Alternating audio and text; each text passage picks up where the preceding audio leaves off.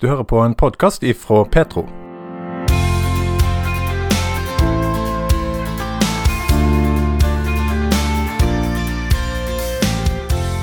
Vi blir påvirka av de vi har rundt oss, og måten vi blir speila av andre, gjør noe med oss. I denne serien på åtte program så skal vi se nærmere på tema som sorg, samlivsbrudd, når eh, barna har eh, forlatt eh, trua de vokser opp med, og det å være sårbar. I denne episoden så skal det handle om skilsmisse. Forelskelse og det å seinere bli gift er det mange som ønsker å oppleve. Det er noe vi heier på og feirer i vårt samfunn. Men tall fra 2019 viser at 9609 par skilte seg, noe som er halvparten av alle som gifta seg samme år. Følelsene rundt skilsmisse inneholder alle ordene som er knytta til sorg. For mange er skilsmisse forbundet med skuffelse, skam, skyldfølelse og frykt. Skilsmisse er sorga vi ikke sender blomster til. Det sier diakon i Den norske kirke, Terje Stig Knutsen. Jeg tror jeg skal være så ærlig at øh, dette skjedde også for meg etter nesten 30 års ekteskap. Uh, så plutselig en dag så, så var dette over. Uh, ikke noe jeg ønsket. Men jeg, vi, vi, var to. og plutselig så skulle vi gå hver for oss fra hverandre.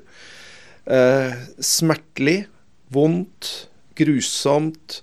Ja, alle ord som jeg kan tenke på knyttet til sorg. Eh, dernest så hadde vi jobbet i kjerka. Uh, og, og, det var også en sorg å kunne måtte innrømme at nei, dette får vi ikke til. Men det aller verste var i forhold til barn. Men du hadde også svigerforeldre som jeg hadde knyttet en relasjon til. Uh, og vi hadde også venner. Uh, og vennene tok parti. Noen ville ha noe med min ekskone å gjøre, noen ville bare ha noe med meg å gjøre. Og de hadde barn igjen, som hadde vært venner med mine barn. Og det ble også slutt.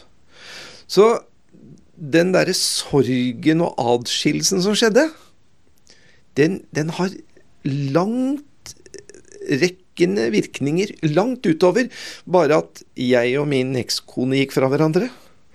Så, så det blir en sånn skal jeg kalle det nesten tredobbel sorg. og det eh, og det gikk mange, mange, mange år før vi i det hele tatt klarte oss å ta opp igjen en dialog. Det gikk vel ti-tolv år før vi klarte det. Og, og det handler ikke om at vi ikke ville, men fordi dette var så vanskelig. Altså sette ord og navn på det, det var veldig vanskelig. Men hadde du andre som du kunne snakke med i den situasjonen? Ja, det hadde vi, og jeg har vært veldig åpen på at jeg til og med eh, fikk hjelp, og gikk og fikk profesjonell hjelp til å sette ord og uttrykk på, på hva dette var for noe. Og så oppdaget jeg noe som var ganske spennende. Eh, og dette har jeg liksom sjekket ut også senere hos andre. Og det er at hvis jeg bruker de gode vennene til å samtale om dette, snakke om dette, så merket jeg etter en stund at for det første så ble de ganske lei av å høre på sutringen min. Men det andre var at de ga meg ikke noe motstand. Og det var en ny oppdagelse. Slik at jeg tenker Jo, jeg tenkte at det å ha gode venner rundt seg, det er viktig. Men de ga meg heller ingen motstand på å komme videre. Så jeg ble litt sånn spinne rundt eh, i den samme gjørma. Kom ikke videre. Og så tenkte jeg nei, jeg må gå andre steder for å få den motstanden. Noen som tør utfordre meg. Uh, tør å stille de spørsmålene som er vanskelige, litt kilende, litt gufne. Uh, som skaper økt refleksjon. Og det fikk jeg ikke hos gode venner. Men Hva spørsmål er du på jakt etter, da? Og da, da er jeg f.eks. på jakt etter um, Hvordan har du det nå, Terje? Jo, jeg har det ikke så bra. Ja, hva har du tenkt å gjøre med det? Hvordan har du tenkt deg å komme videre? Nå har jeg hørt dette det siste året at du ikke har det så bra. Men jeg har ikke sett at du har gjort noe særlig med det. Altså det å tørre å gå litt sånn tett på og si at jo, jeg kan skjønne at dette har vært veldig lite greit for deg, men, men jeg ser ikke at du griper fatt i det og gjør noe med den situasjonen du står oppi. Hva gjør du i forhold til barna dine, osv. Og, og jeg har etterpå fått vite veldig tydelig fra mine barn at pappa, oppi den situasjonen der, så var ikke du verdens beste pappa. Ja, så det er også en sånn greie som jeg er nødt til å, å, ta på alvor, og det tenker jeg. Jeg sier ikke at alle som blir skilt, ikke tar dette på alvor, men for meg så var det en bit som jeg tenker jo, det må jeg gjøre noe med. Og det må jeg reparere. Det må jeg jobbe videre med i lang tid etterpå.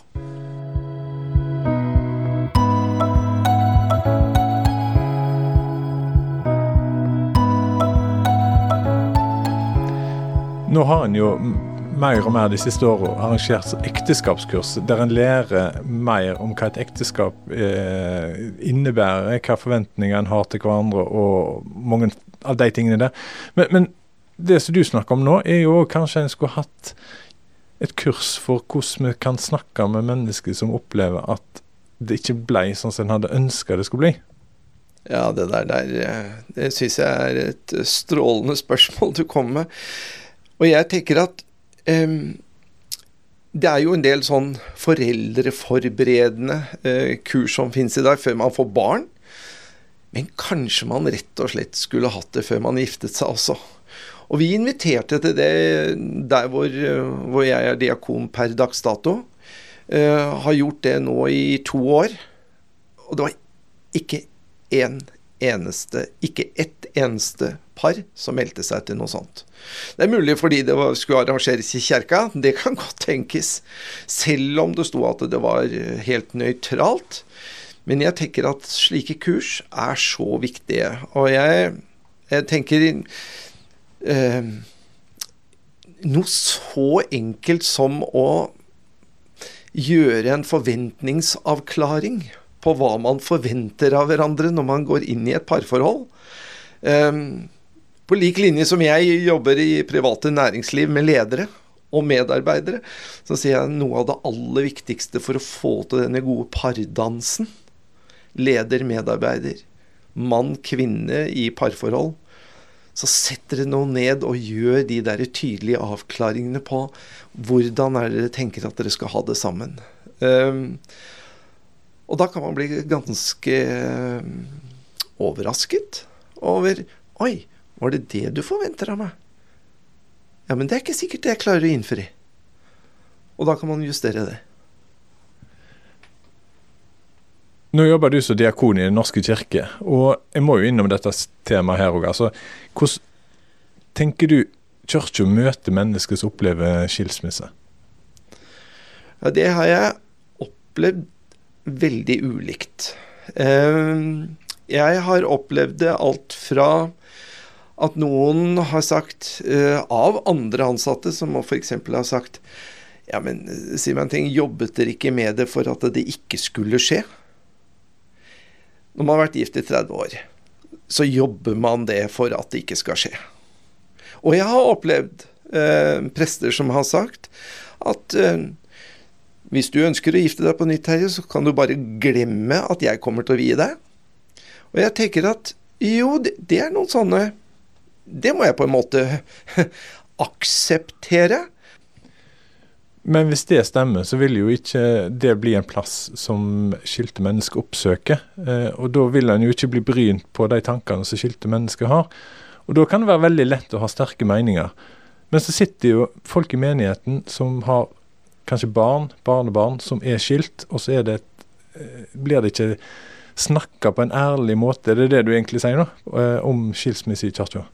Ja, det er faktisk det jeg sier. Og jeg, jeg har vært sjelesørger for og hatt samtale med ganske mange ansatte i Norske kirke, som også lever i parforhold og ikke har det veldig ålreit. Men vi får holde ut. Og jeg tenker, Da gjør man både noe i forhold til partner, man gjør noe i forhold til barna sine. Og jeg tenker at jeg hadde ønsket at vi hadde en mye mer åpen, direkte, involverende holdning til dette i kjerka. Det, det, hadde vært et stort ønske for meg. Å snakke om dette, at dette er en del av det livet vi lever. Ja. Og det kan godt tenkes at den personen jeg giftet meg med for 30 år siden, er en annen person i dag. Og det trenger ikke å handle om et annet menneske eller noe som helst, men man rett og slett har flyttet seg til ulike steder i livet. Og kanskje man ikke da skal fortsette å gå sammen. Og det tenker jeg, det, det, det er en samtale og en dialog som vi må i langt større grad tørre å ta.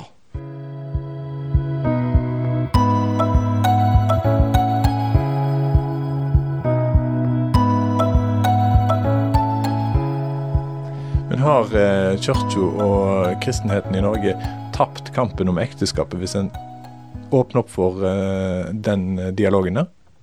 Nei, det tenker jeg absolutt ikke. Jeg tenker at det åpner opp for, jeg. Ja.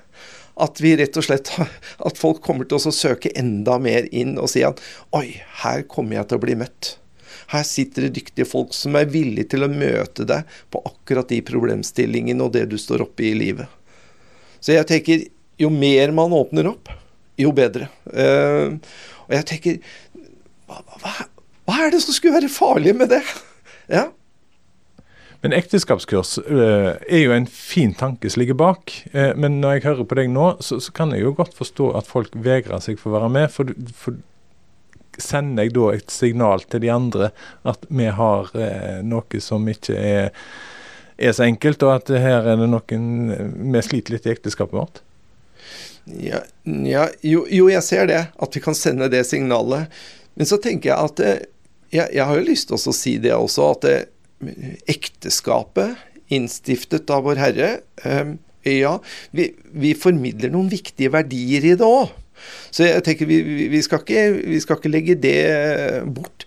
Så jeg tenker at vi, vi formidler noe verdimessig i det at vi sier at jo, vi i Kirken vi har noe viktig å formidle, men har Men jeg, jeg tenker noe av den derre litt fordømmende holdningen som vi også kan innta, eh, den tror jeg vi rett og slett skal bare legge bort.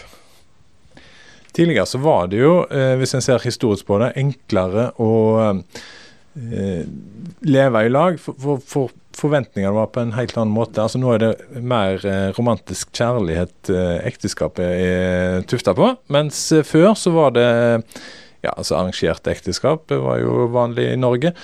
Det var òg få folk i Norge i forhold til det i dag, så det var ikke så enkelt å finne kanskje den en ville finne. Og økonomisk så måtte en være i lag for å kunne drive gården, sånn at de kunne overleve. Denne her romantiske kjærligheten som nå er basisen i ekteskapene, har vi, har vi virkelig skjønt hvor sårbart det egentlig er? Nei, kanskje ikke. Og jeg, jeg har jo lyst til å Jeg tror at det veldig mange tenker at ja, men det er det det handler bare om. Men jeg, jeg tror det er så viktig at man også tenker at Nei, men det er 90% så er det vanlige, vanlige arbeidsdager hvor du må jobbe hardt hver eneste dag for å holde parforholdet sammen. Ikke engang i ny og ne, men du må virkelig jobbe for det. I 2019 så var det altså 19 218 menn og kvinner som opplevde skilsmisse. Eh, det er ca. halvparten av eh, de som gifta seg, eh, ble altså skilt, eh, hvis en skal ta tallene på alvor. Det å gifte seg er jo noe som der og da er noe som en ønsker skal vare livet ut. Eh, en ønsker å bli gamle i lag, som en sier. Og så har en i kristne sammenhenger heia på ekteskapet, og det gjør en fremdeles. Og en er flink til å heie på ekteskapet, men, men, det jeg lurer litt på, kan vi bli så opptatt av å heie på ekteskapet at vi ikke greier å møte de som ikke får det til, og, og dermed på en måte ja, gjør det enda vanskeligere for deg? Det der, det var, det var et vanskelig spørsmål. Um, ja, jeg tror vi kan lage, gjøre det enda vanskeligere. Men, men, jeg, men jeg, har veldig lyst til, uh, sånn avslutningsvis, å, å heie på ekteskapet. Jeg, jeg, jeg, tror fortsatt veldig på ekteskapet. Jeg tror det er viktig. Um, og jeg tror særlig det er viktig når det kommer barn inn. Um, men, men jeg, jeg, tror liksom Og her, her, vet jeg jo at kjerka de heier på ekteskapet. Um, og jeg, jeg er fortsatt en stor fighter for, for ekteskapet. Men jeg tror, som, sa, som, jeg sa tidligere, jeg tror vi, vi, vi i Kirken vi skal også omfavne de som kommer til den fryktelig vanskelige avgjørelsen at de velger å gå fra hverandre, så skal vi favne de òg. Vi, vi, vi, skal ta de inn og si at vet du hva, full forståelse for at dette her er vanskelig. Men det er plass også for deg her i denne kirka. Og det ser jeg en del av det arbeidet som vi diakonene gjør, bl.a. her hvor vi er nå, at eh, vi møter folk som kommer og sier 'Å, takk for at du gidder å høre på'. Og det tror jeg det skal vi ikke slutte å gjøre. Terje Stig Knudsen jobber både som diakon i Den norske kirke og som seniorrådgiver i lederutviklingsbyrået Aspire, der han bl.a. jobber med lederutvikling inn mot større organisasjoner i Norge. Ønsker du noen å snakke med, så kan du kontakte Kirkens SOS på nettsida deres, eller du kan ringe dem på 22 40 00 40. Jeg heter Bjørn Stane Haugland, og denne programserien er laga med støtte fra Medietilsynet. Du har hørt en podkast ifra Petro. Flere podkaster finner du på petro.no og i appen Petro.